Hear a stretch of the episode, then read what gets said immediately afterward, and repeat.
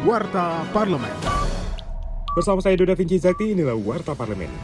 Ketua Komisi 1 DPR RI Mutia Fidi Hafid menyampaikan bela sungkawa yang mendalam atas meninggalnya Siren Abu Akleh, jurnalis Al Jazeera yang tertembak oleh Israel saat melakukan peliputan serangan Israel di kota Jenin di wilayah tepi barat Palestina.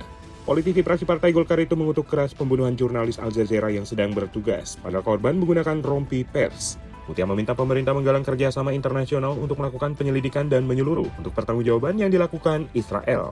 Warta Parlemen. Anggota Komisi 9 DPR RI Rahmat Handoyo mendorong pemerintah pusat dan daerah termasuk fasilitas-fasilitas kesehatan untuk memberikan informasi dan edukasi terkait penyakit hepatitis misterius agar masyarakat dapat melakukan langkah-langkah pencegahan.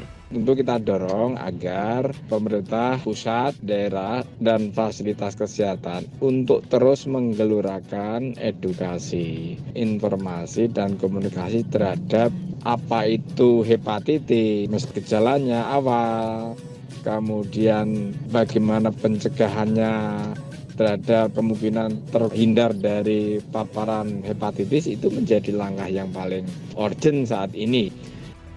Informasi lebih lanjut, kunjungi website dpr.go.id. Wakil Ketua Komisi 7 DPR RI Maman Abdurrahman mengatakan permasalahan dalam pertambangan pasir laut sudah cukup lama berlangsung. Perlu adanya rapat gabungan untuk membicarakan penyelesaian masalah tersebut. Dalam kunjungan kerja riset ke BP Batam Kepulauan Riau, Wakil Rakyat Dapil Kalbar satu itu mengungkapkan permasalahan tambang pasir laut perlu dilakukan sebuah terobosan. Apalagi menurutnya pasir laut menyimpan potensi ekonomi yang baik dan sejalan dengan niat negara untuk melakukan percepatan atau peningkatan skala pendapatan negara. Televisi Radio Parlemen. Demikian Warta Parlemen, Produksi TV dan Radio Parlemen, Biro Pemberitaan Parlemen, Sekjen DPR RI.